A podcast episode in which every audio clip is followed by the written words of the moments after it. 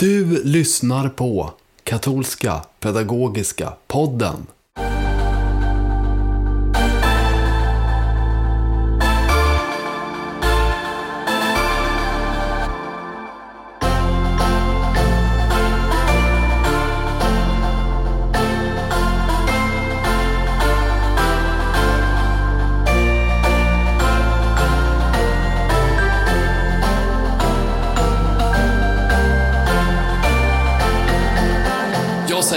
Jag säger välkommen till dig Ulrika och till alla er som lyssnar. Jag heter Jim Lagerlöf, du heter Ulrika Erlandsson. Vi sitter här i Katolska Pedagogiska Nämndens, eh, inte trevligaste arbetsrum, men ett av, det är mitt, på mitt arbetsrum sitter vi. Det är mycket trevligt här Jim. Och välkommen hit Ulrika. Tack så mycket. Roligt att vara här. Ja, vad tycker du om värmen? Ja, man börjar vänja sig. Jag kommer att tänka på min uppväxt i Afrika. Ja, det. Alltså jag vet vad jag, apropå det, det är mycket så här, vad ska man dricka när det är varmt? Pratar ju folk om. Och vad ska man inte dricka? Jag fick någon information någon gång av att i just i Afrika, denna kontinent av pluralism säkert, men någon sa till mig så här, i Afrika där dricker de mycket läsk när det är varmt. Stämmer det? Nej, vi drack alltid five o'clock tea på eftermiddagen. Ja, just det. Va- absolut. Varmt te? Ja, Ja, okej. varmt te, absolut. Ja, just det. fanns inte Ice tea när jag var liten. Nej, nej, nej. Så man dricker någonting varmt.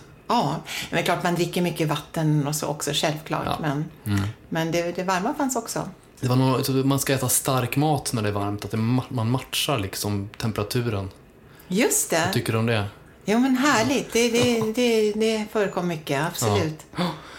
Visst, alltså det är lite så här skolavslutningstider ute i landet och det märker man inte minst utanför fönstret här i eh, Stockholm. Igår så var det studentflak som passerade till exempel och vi har också lite så här avslutningskänsla i luften. Vad är det vi gör de sista dagarna innan vi går på semester? Vad gör du Ulrika nu? Jo, det är ju så. KPN har lite av en rytmen och det bestäms ju lite av församlingarnas undervisning och i augusti, september så börjar ju undervisningsåret, katekesen börjar i alla våra församlingar och då dräller det in jättemånga beställningar och då måste ju alla böcker finnas. Ja. Så de måste tryckas om och nya böcker måste ha hunnit bli färdiga så vi har faktiskt en hel del böcker på tryckeriet nu. Mm. Kateketnytt måste skickas ut i augusti så det är väldigt mycket på gång här faktiskt i Mycket slutspurten. Ja. För att inte tala om förberedelserna inför den förväntansfulla kongressen som vi ser jättemycket fram emot. Ja, precis. Det är det mycket med. Alltså man har suttit och fördelat workshops till exempel. Ja, Se till att alla får en workshop, eller fyra till och med, att gå till. Är det något särskilt som har tryckts nu då som vi kan lyfta? Här, vi har fått vykort till för exempel. vi har ju ringt runt i församlingarna kyrkoherdar och vi lyssnar också till kateketer och då kom Mm. det faktiskt förslag fler helgonbilder, fler affischer. Mm. och vykort. Så då har vi tagit fram tio nya, eller faktiskt elva helgon på tio affischer. Just det, vi klämde in två på en affisch. Ja, precis. Heliga Birgitta fick samsas med heliga Elisabet. Det, var, det gick ju Ja. bra. Och sen finns de som vykort också. Så Mm. de hoppas vi ska kunna glä- spridas i församlingarna. Och det, det tror jag kan... De blev jättefina bilder. Ja, väldigt vackra bilder. Hanna Ingvarsson heter konstnären från västra Sverige. Kommer hon. Och hon har hjälpt till. De var väldigt, väldigt kul att samarbeta med. Ja, fina färger och, och så det, det tror jag kommer bli uppskattat. Mm. Eh, Och så kom precis artikeln en ny version av bok 3. Och där var, hade syster Agnes använt den Mm. Vad heter i bok Omberg. nu igen, om man inte har Eh, det i Just det? Kyrkan Vårt Hem. Just det. och för då 9-10-åringar. Och Mm. där har kommit en hel del nya bilder och nya texter och lite små förändringar. Så det, Ja, den, lite mer lättläst har den blivit. Ja, precis. Den kommer nu också. Du sa att syster Agnes hade varit Mm. involverad där. Hon hörde av sig till dig. Ja. Precis. Och det är ni alla såklart jättevälkomna att göra. Har ni synpunkter, tankar, tips, funderingar? Det blir vi alltid väldigt glada för. Annars så får vi jaga er om inte ni hör av sig till oss. precis. I det här avsnittet av podden så har vi förmånen och glädjen att få lyssna till en intervju som jag gjorde för en tid sedan nu då. Med lektorn i religionspedagogik, Stockholms universitet, som heter Caroline Klintborg. Och henne får vi lyssna till nu då.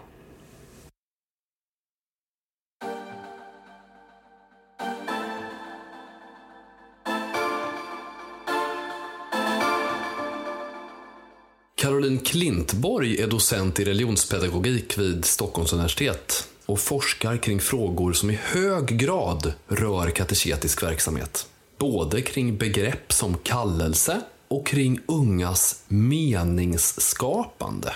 Och dessutom så driver hon ett spännande Instagramkonto. Välkommen hit Caroline! Varmt tack!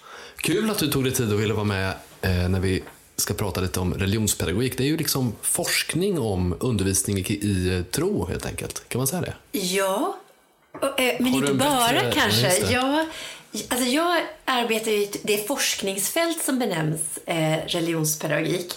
Mm. Eh, och jag skulle säga att det ger utrymme för en reflektion kring lärande och undervisning om, men också i och från religiösa fenomen, Mm. eh, frågeställningar, men också andra uttryck för meningsskapande.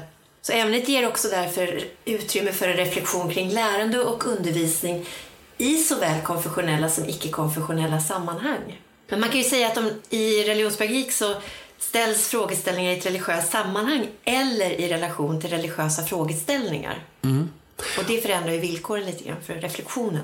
Jo, och du, din egen forskning då? Alltså, vad har den fokuserat på? Om du vill, vill du berätta lite vad du har varit intresserad av? Ja, jag har eh, bland annat intresserat mig för unga människors meningsskapande. Just det. Och då vad betyder jag- det då? Eh, Det betyder att jag har varit intresserad av hur de själva tolkar och förstår sina liv. Antingen de har eller inte har en religiös förförståelse. Alltså jag har försökt förstå det som ett fenomen och tittat på vad som är av betydelse för den tolkning de gör av livet. Okej. Så det ägnade jag mitt avhandlingsarbete åt. Och sen har jag efter det haft förmånen att få göra en hel del studier för Svenska kyrkan. Och där har ju fokus varit lite olika. Jag har tittat bland annat på hur man arbetar med lärande och undervisning i ett pastorat i Svenska kyrkan. Och jag har också funderat över hur man kan tala religionspedagogik i församling. Eh, och där är, skrev jag en bok som heter Vägen är allt som blev resultat av, den, av det projektet. Just det. Och sen har jag också funderat över delaktighet som jag också tycker är en religionspedagogiskt relevant fråga. Och särskilt tittat på hur människor upplever sin delaktighet i Svenska kyrkans gudstjänst. Och det kopplar du ihop med liksom den pedagogiska dimensionen?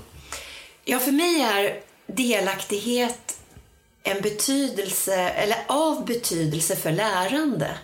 Och jag menar att alla de sammanhang vi möts i så sker ett slags lärande. Just det.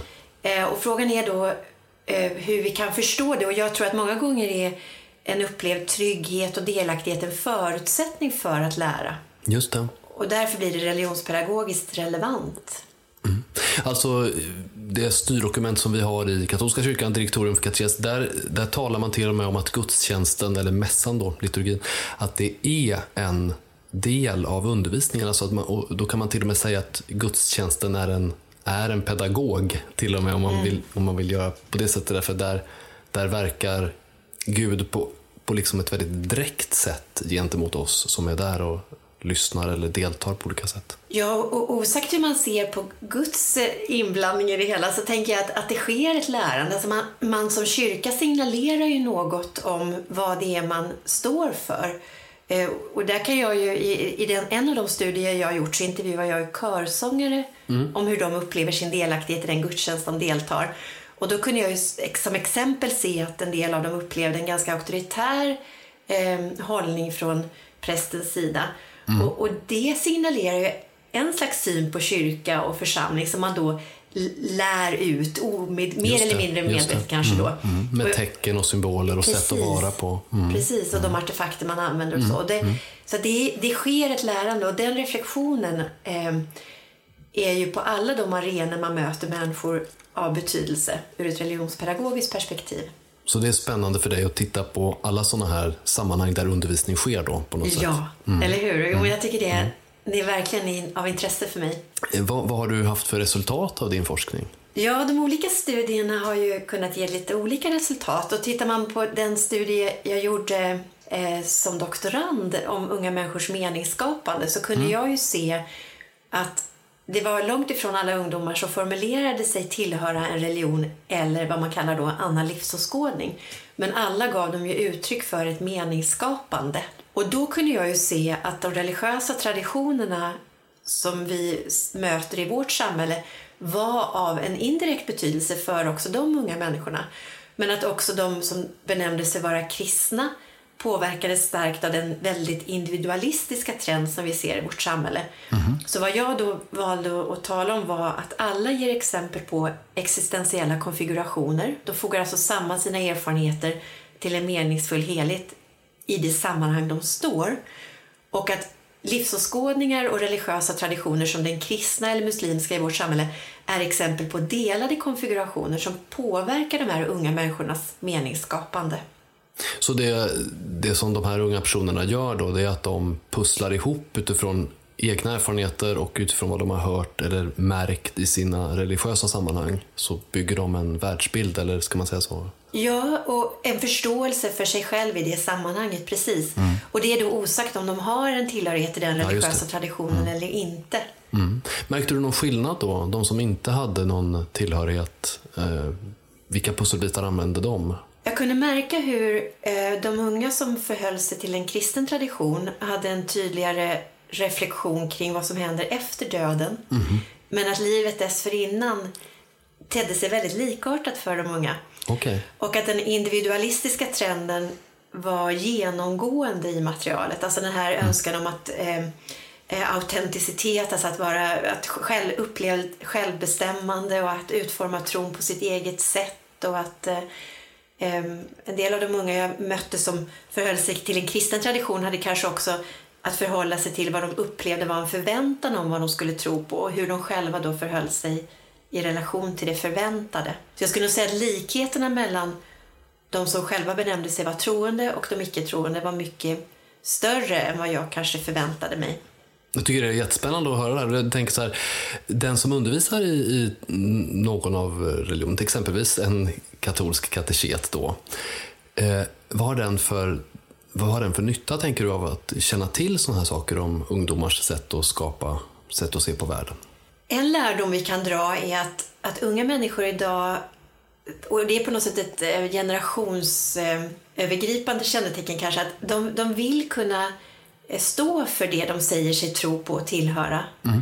Eh, Alltså de, de, de tillhör inte en tradition av tradition. Nej, nej, nej. Eller för att familjen har gjort det, utan de vill själva välja sin tillhörighet och känna att de kan stå för det em, som traditionen bär. Eh, och, och där tänker jag att det handlar mycket om att, att då kommunicera relevansen in i vår tid. Alltså hur ska vi förstå exempelvis berättelserna om, om Jesu under? Hur kan vi kommunicera dem i en tid när unga människor, och alla idag, är väldigt medvetna om eh, vetenskapliga rön och evolutionära tankar som kanske gör det svårt att förstå och förklara de här undren. Alltså hur kommuniceras det in i vår tid? Just det. Där kan jag se, jag har intervjuat ungdomar nu som konfirmeras i Svenska kyrkan. Eh, och flera av dem upplever det, väldigt svårt att, att få ihop det. Alltså de, det var som en historiska berättelser från en annan tid om ganska obegripliga saker. Och så den, det de tog del av i kyrkan var ingenting de liksom kunde bära med sig ut i sitt vanliga liv. Det blir man ju lite ledsen över att höra på något sätt. Min, min egen bild av det är väl att eh, just i Sverige så har man ibland missat eh, en lång teologisk reflektion som finns kring de här frågorna. Alltså vi har, många teologer i Sverige känner inte till eh, hur man kan tänka om tro och vetenskap exempelvis. Man, har, man tror att Hedenius då, som den här mannen som levde för eh, 70 år sedan, eh, som formulerade att det finns, finns en stark motsättning mellan tro och vetande. Att man, man uppfattar att han hade rätt och att vi behöver på något sätt blunda med ena ögat eller någonting för att hantera livet som troende. Att vi, vi, okej, vetenskap och tro går inte ihop och nu står vi här. Men tänk om det finns på andra sätt. Men ja, det var en liten Och, och parentes. det egentligen. tror jag, i och med att man måste, att det på något sätt åligger kyrkans representanter att kommunicera och att finna ett språk för att kommunicera. Ja. Och där kan jag ju tänka att i de studier jag har gjort så erfar jag ju också att det inte är självklart att medarbetare i det här fallet i Svenska kyrkan talar tro med varandra. Alltså man, man övar inte på att kommunicera trons betydelse för det egna livet. Nej. Och då blir det ju väldigt svårt att kommunicera det för yngre uppväxande generationer som inte har den, alltså socialiserats in i kyrkans sammanhang på något självklart sätt. Det blir ett för stort glapp. Nej, så behovet av att eh, den som undervisar själv får chans att reflektera belyser du ju då. Alltså det är en viktig sak. Ja, just det. Hur, hur tänker du kring religionens betydelse i vårt land idag? För det har väl ändå betydelse för både din forskning kanske, men även för den som undervisar i en religiös tro för barn eller för vuxna? Ehm, jag tror att religion har en väldigt stor betydelse. Ehm, det förs en ständig diskussion kring huruvida vi är sekulära eller inte. Mm. Och man kanske inte behöver fundera så mycket på det för vi kan ju bara konstatera att väldigt många människor idag tillhör ett religiöst sammanhang. Mm. Och även om man inte själv benämner sig vara religiös så påverkas vi av de religiösa traditioner som inte bara finns i Sverige utan också i vår globaliserade värld. Mm. Så jag tänker att förståelsen för religion, ett religiöst språkbruk och symbolsystem är viktig idag. Ja. Inte, för att, inte för att man själv därmed behöver tillhöra någon av dem, men för att förstå vår värld och vår kultur och vårt sammanhang så tror jag att religion är viktig, viktig aspekt. Mm. Alltså, inte minst kunskap om religion låter det som att du menar då. Ja, jag, jag tillhör de som prövar lite grann det här begreppet litteracitet, alltså en religiös litteracitet. Och där kan vi väl se att allt färre idag har tillgång till den. Alltså att man, man har till och med pratat om en religiös analfabetism. Att, att yngre generationer inte växer upp med en självklar förståelse för religiositet och symbolspråk och liturgi och så. Och jag tror att tillgången till ett religiöst språkbruk är viktig för att förstå vår samtid. Att förstå, förstå andra människors uttryck för, för tro, även om man inte delar den själv. Det tror jag är viktigt ur ett demokratiskt hänseende. För att eh, förstå det samhälle man lever i. Ja. Att vi alla är del av detsamma och att, att som jag nämnde det här begreppet delade konfigurationer tidigare, att även om du inte själv tillhör en religiös tradition så lever du i ett samhälle där den, där den är levande, den traditionen, så kommer du indirekt att påverkas och förhålla dig. Men om man till exempel har åsikten att det vore bra att eh, religionen försvann ut ur det offentliga rummet eller att man tycker att det här eh, sättet att tänka och prata det hör till en förgången tid som vi har nytta av att göra oss av med. Precis som att man inte längre vill tala om... Eh, ja, men det finns ju massor av saker som vi känner att det här sättet att prata på vill vi inte längre så vill vi inte prata på. Vad vill du säga till den som tänker så om det religiösa språket? Eller... Jag tänker att religion finns ju i det offentliga rummet.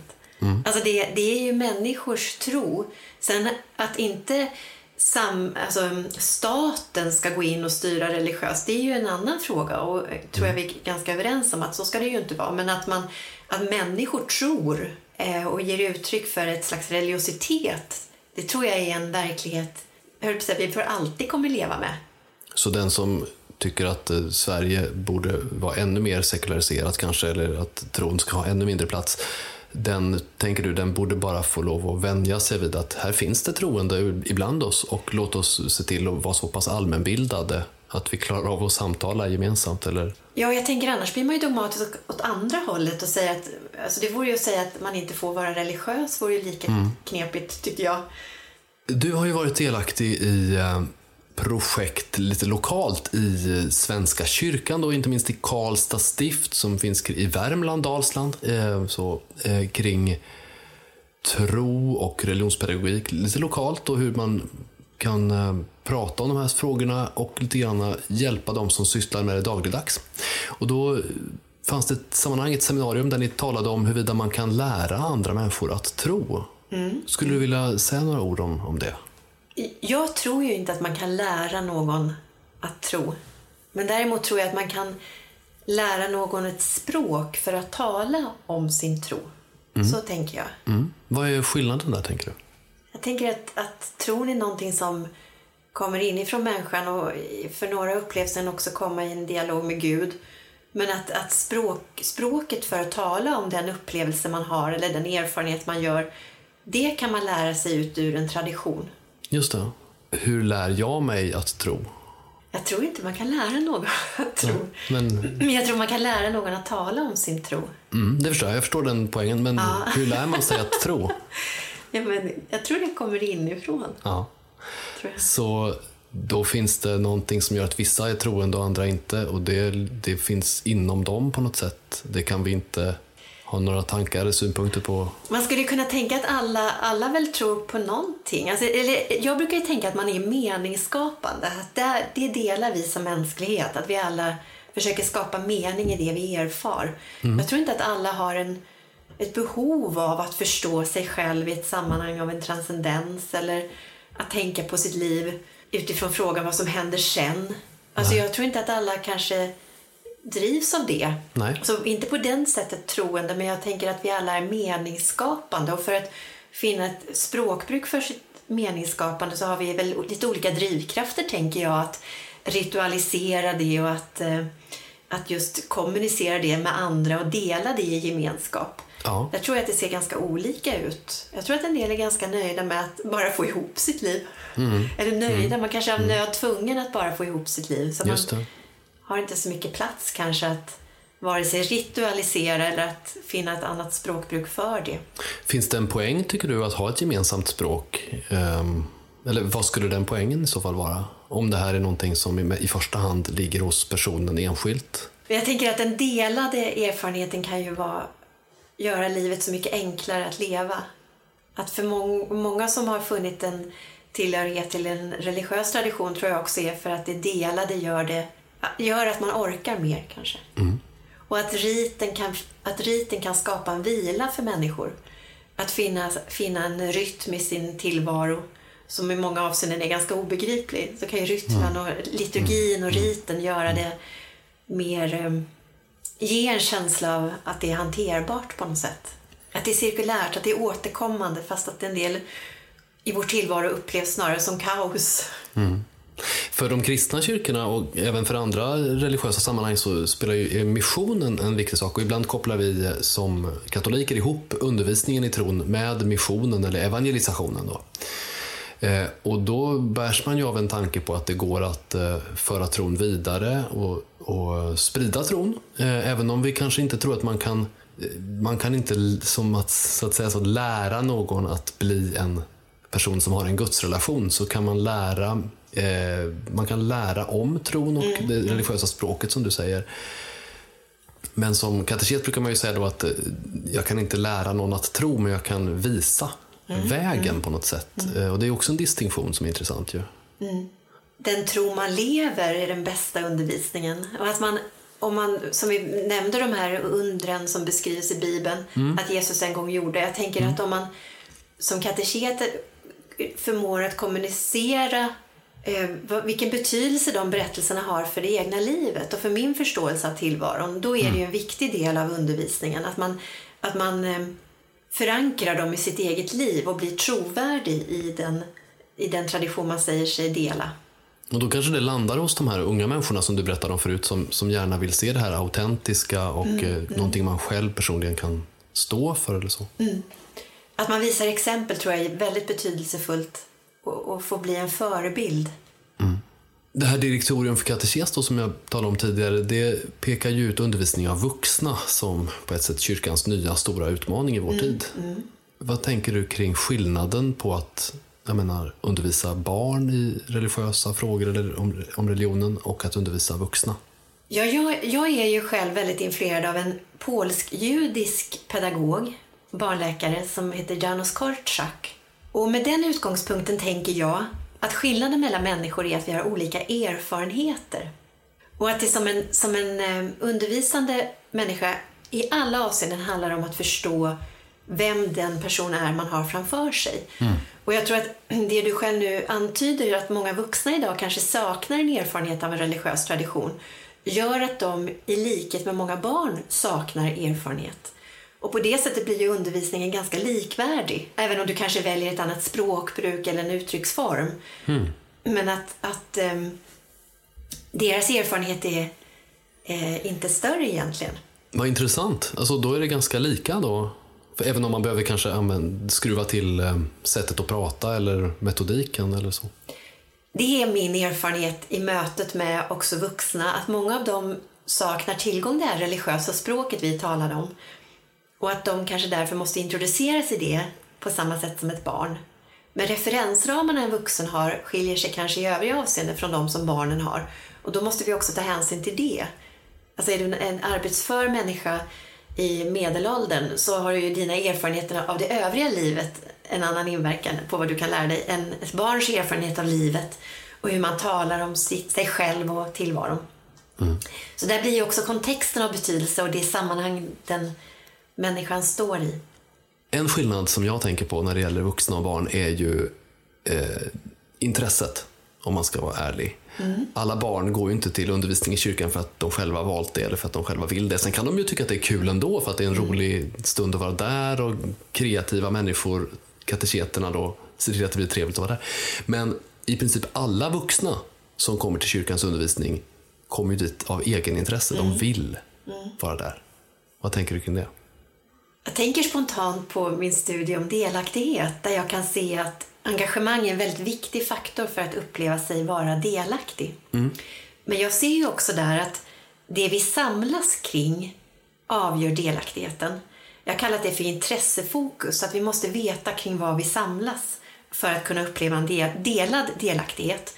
Och då kan jag ju se i möten med körsångare exempelvis att de upplever sig vara delaktiga i sången och musiken och kring det skapar de delaktighet. Och det är där jag tänker att de vuxnas engagemang, från, det, alltså från början uttryckta engagemanget kanske gör att intressefokus blir ett annat än vad det är i mötet med barnen. Men där tror jag det viktiga är att man är tydlig med vad är vårt intressefokus här i den gemenskap vi möts. Därför det finns, som vi kan se, en... eh, Eller vi, jag har, har dragit de slutsatserna utifrån studier jag har gjort, ska jag säga. Att när inte barn och ungdomar delar ett intressefokus i till exempel gudstjänsten med de andra gudstjänstdeltagarna så innebär det att när de slutar som konfirmander eller ungdomsledare så finner de inget, ingen orsak till att besöka och delta i gudstjänst mer. Därför det här intressefokuset har kanske primärt varit att de tycker det är kul att träffa kompisarna eller att de ska bocka av ett möte i kalendern. Ja. Eller att prästen har sagt till dem att de ska vara där. Det gör att intressefokus inte finns och det är incitamentet för att delta i gudstjänst när de en dag slutar som konfirmander eller ledare. De uppfattar inte själva gudstjänsten som betydelsefull för dem personligen. Då. Nej, och där tänker jag det finns en risk att om, man, om all barn och ungdomsverksamhet bygger på att eh, man målar till exempel. Bara ett väldigt. Ja, dåligt ja, exempel. ja. Då blir ju också intressefokus det. Då kanske man går dit i det primära intresset för målande. Men när man sen ska finna sina vägar in i församlingsgemenskapen utan att man fortsätter måla, då kan det vara ganska svårt att finna den vägen. Det är en bra lärdom. Jag tror att eh, många kateketer funderar över det, hur de ska binda ihop sin undervisning med mässan eller med gudstjänsten. Och det är också en viktig sak att tänka på att om eh, barnen vänjer sig vid att gå i kyrkan och uppskatta mässan, då kan de ju vilja, av egen kraft vilja komma tillbaka till det då. Ja, för då är det ett sammanhang där de är delaktiga i någonting som också är, ehm, står i fokus för deras intresse. Och det kan ju vara nattvarden till exempel, det kan vara bönen. Det kan, vi vet att många idag finner en väldig stillhet i att delta i, alltså bara vara i det tysta kyrkorummet. Att ge människor, alltså att, att hjälpas åt att finna det som är för oss gemensamt kring vilket vi vill samlas och, i vad vi kan känna oss delaktiga. Jag tänker på en sista sak som anknyter till vad vi pratade om förut. eh, Som handlar om det här med eh, det religiösa språket. Och att det i sig själv kan vara någonting som alla, oavsett vad man tror på, har nytta av att få del av.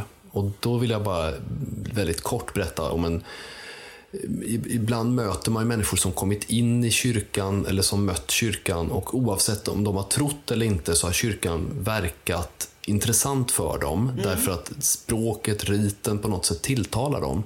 Det har ju, I vintras till exempel var det ju flera kulturskribenter som berättade om hur de ville delta i gudstjänsten oaktat deras personliga tro och så. Utan, men de uppfattade gudstjänsten som väldigt meningsfull. Och det tänker ju jag som troende och som vill att alla ska dela min tro såklart. Det, det, det blir ju som en, en port in på något sätt. Alltså religiö- att, att få tillgång till det religiösa språket kan vara vägen in.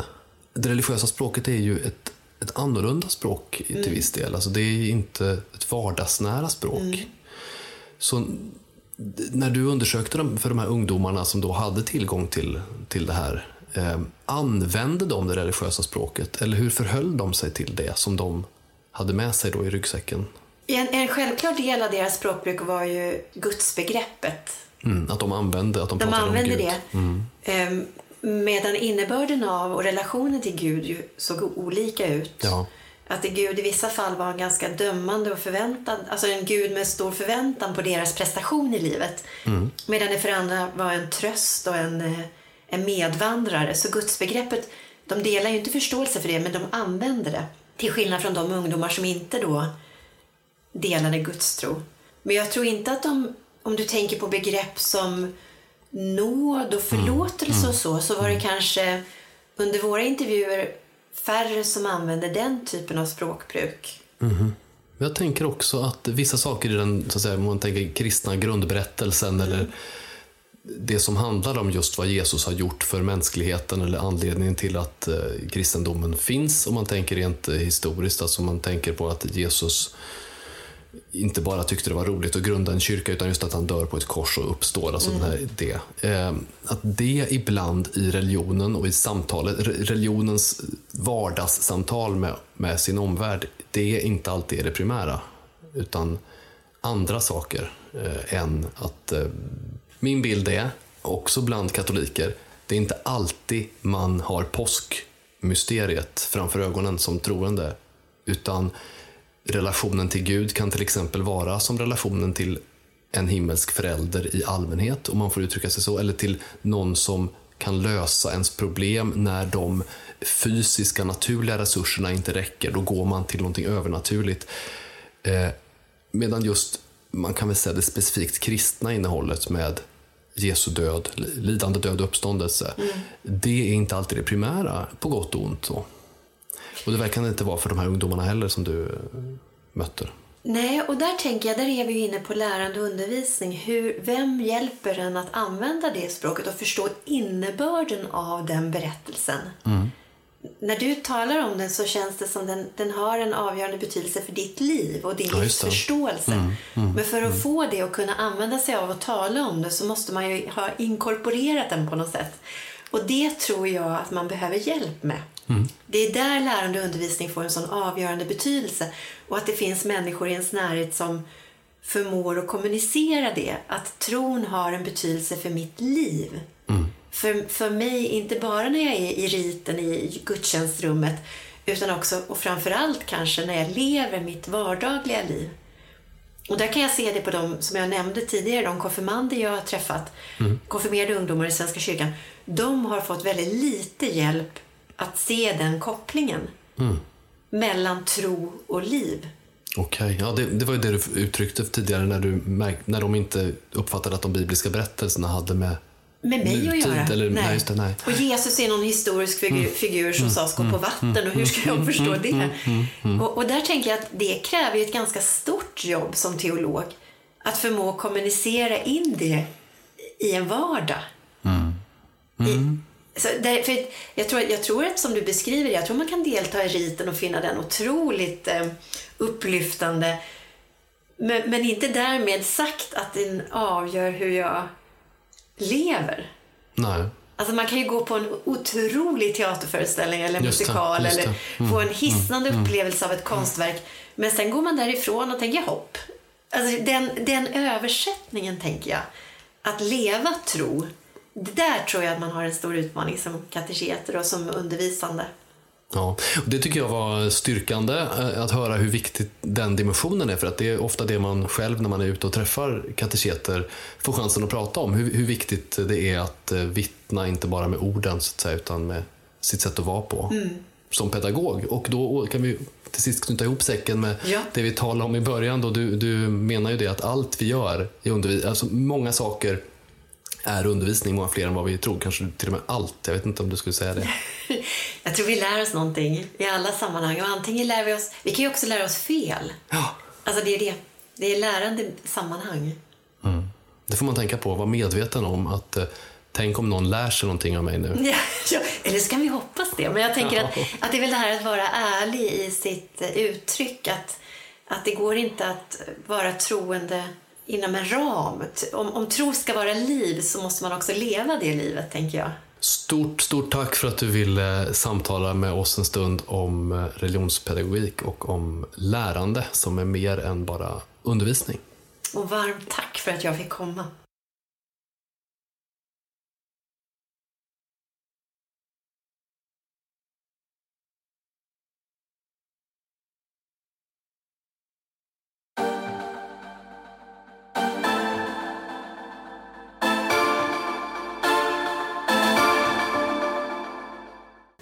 Ja, här har vi suttit och lyssnat. Eh, vilket härligt samtal det blev.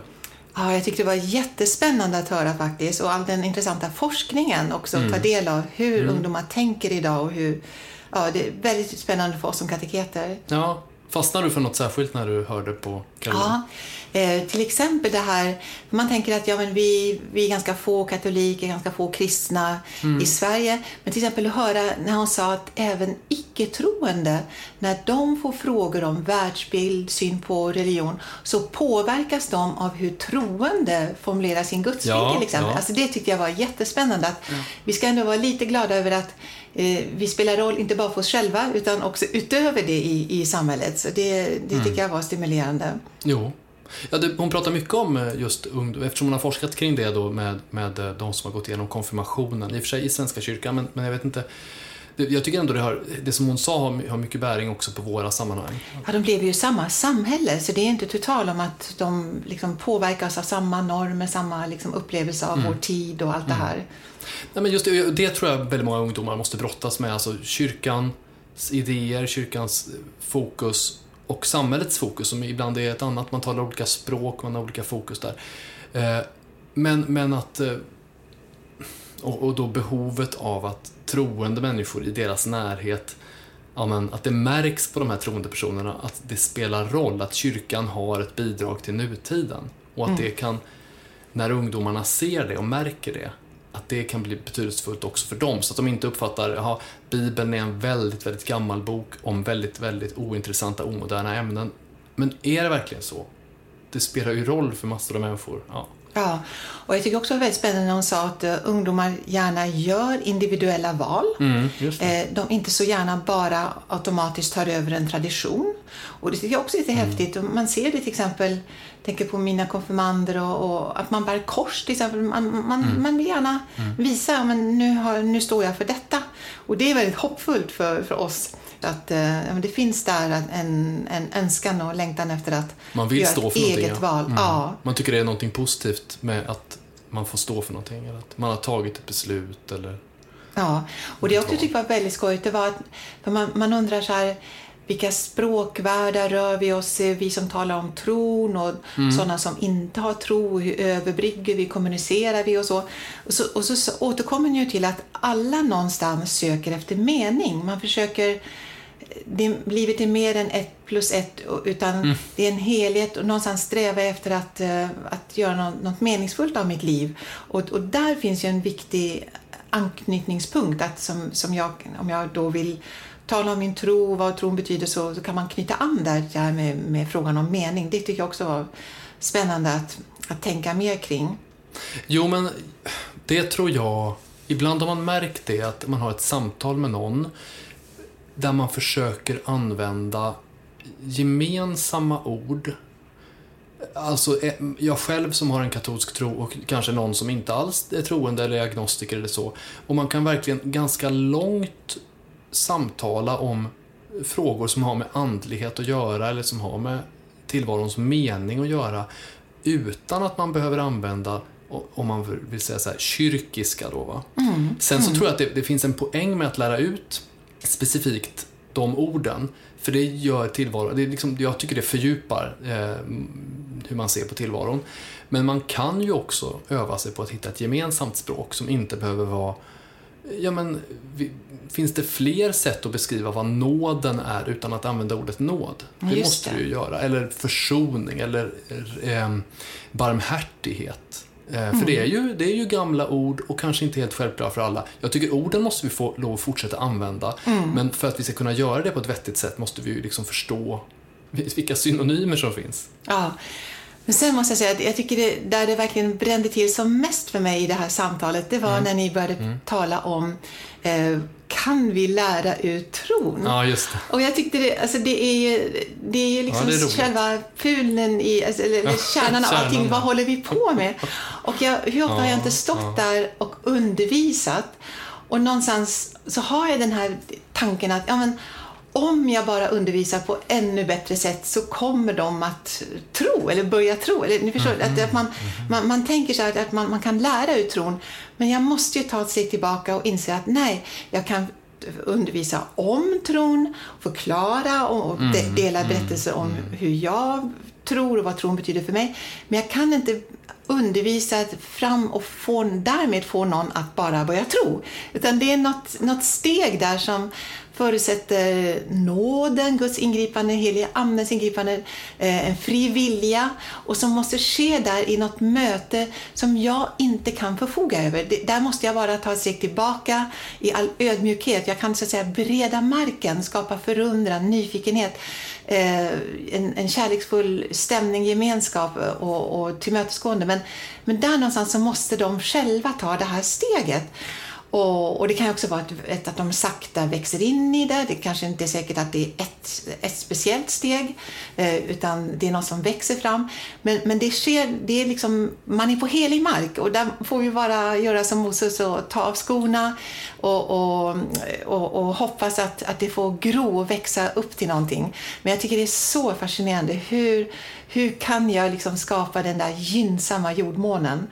Mm. Undervisning i all ära, men där finns verkligen gränser för vad jag kan åstadkomma. Det handlar om andra saker egentligen. Jag, tycker, jag minns när Rainer Karls, Pater Rainer, han var och träffade kaldéerna i Södertälje och eh, sa just det till dem. Man kan inte lära någon annan att tro. Mm. Och det, först blev det lite irritation. Liksom, jo, det kan man ja, visst. Det är precis. det vi håller på med varje dag. Ja. Det, det, det är därför vi är här. Men han sa det ni kan lära om människor om den kristna tron då. Ni kan ge dem faktauppgifter och så jämför han det med den hjärntvätt som skedde i liksom, sovjetiska samhället. Oj då. Eh, för att provocera då. Att ja. det, alltså, man kan såklart lära människor massor av saker utan till och säkert saker som är väldigt betydelsebärande och viktiga. Men själva gudsrelationen som är liksom bottenplattan, det är gemenskap med Jesus Kristus som är liksom katekesens mål. Och den, på ett sätt, den, ja, vägen behöver du gå själv. Ja, ja. Om du ska ha en relation med någon så behöver du gå på vägen själv. Det tycker jag var så spännande i direktorium också, man talar om skönhetens väg. Det kan ju vara att jag får en skönhetschock. Mm. jag ser något vansinnigt vackert, jag mm. hör underbar mm. musik, jag upplever naturen. Jag, det kan ju vara en moped, det kan vara en matteformel, det kan vara vad som helst som, och som bara väcker upp mig för det transcendenta. Och plötsligt har jag låtit mig bli beröras av, av något gudomligt. Och där plötsligt sker något, där öppnas något där, där kanske blir början då på min trosvandring. Ja, alltså det tycker jag är väldigt roligt med Karolina mm. Klintborg, att hon, jag tycker det blir nästan lite religionsfilosofi, hon går på djupet. Vad, vad, vad händer egentligen i det här och vad, vad kan vi göra och var finns våra gränser? Eh, och att hon, jag tycker hon är fascinerande att lyssna till. Hon är så duktig på att sätta ord på, på de här processerna. Jo, det var fint att prata med henne.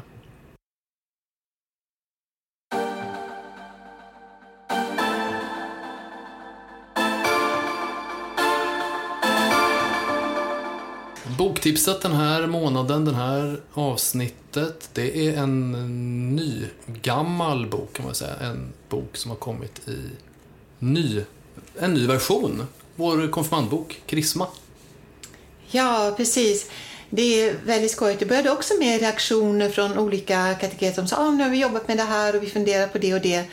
Och, och särskilt områden som är väldigt viktiga med kärlek och kyskhet, sexualitet. Ja. Så, så där har vi faktiskt gjort en hel del arbete, till exempel med hjälp av Lisa Wetterberg som ju nu med sin man också kommer börja arbeta i stiftets familjepastorala team. Och de två är jätteduktiga på kroppens teologi och förklarar det på ett sätt som ungdomar tar till sig. Så det är två helt nya kapitel med arbetsblad, fyllerifrågor, filmer, mycket QR-koder har det kommit i Krisma nu, också med alla andra eh, ämnen. Så, så där, där är det väldigt mycket nytt gjort. Sen är det eh, en hel del nya klassiska bilder också. Vi har frågeställningar som inte har funnits här förut. Sanning, skönhetens väg som vi precis talade om. Vi tror mm. absolut att man ska bjuda in ungdomar till det och det är väldigt inspirerat av Direktorium för katekes om längtan och kallelse, ännu mer och arbetsblad om Jesus Kristus. Vem är han? Hur förstår vi honom som Guds ord? Eh, barmhärtighetsgärningar, hur tar vi, talar vi om det i katekesen och gör saker tillsammans? Det är också inspirerat av direktorium. Carlos Acutis eh, är jättepopulärt, eh, han är väl, är han väl saligförklarad Saligförklarad. Ja, mm, precis. På väg mot helgon. Och sen tycker jag det var väldigt roligt för många av oss har ju fått de här fina remsorna som vi får till eh, trettondagen, du vet. Eh, Med romerska siffror på. Ja, precis, som är för missio. Och man har alltid undrat, jaha, vad är allt det här om? Och då visar det sig att det här går tillbaka till en ung tjej, Pauline Jaricot, som levde i Frankrike på 1800-talet och, och som med sina 15 år, när hon var sjuk och hon var väldigt utsatt, hade svårt, började be och ville be för missionen. Mm. Och det var upp, liksom, ursprunget till den här fantastiska missionssällskapen och missionsrörelserna i katolska kyrkan. Och det har vi också ett helt arbetsblad om. Och till slut så är det jättefina färgbilder på jättemånga helgon. Längst bak. Längst bak. Och, det, och med hjälp av dessa helgonbilder och beskrivningar av helgon så kan man mycket lättare då välja sitt konfirmationsnamn. Så vi hoppas att fler vill upptäcka krisma då helt enkelt ja, som ett material precis. att använda i konfirmationsundervisning. Precis, det vill vi varmt rekommendera.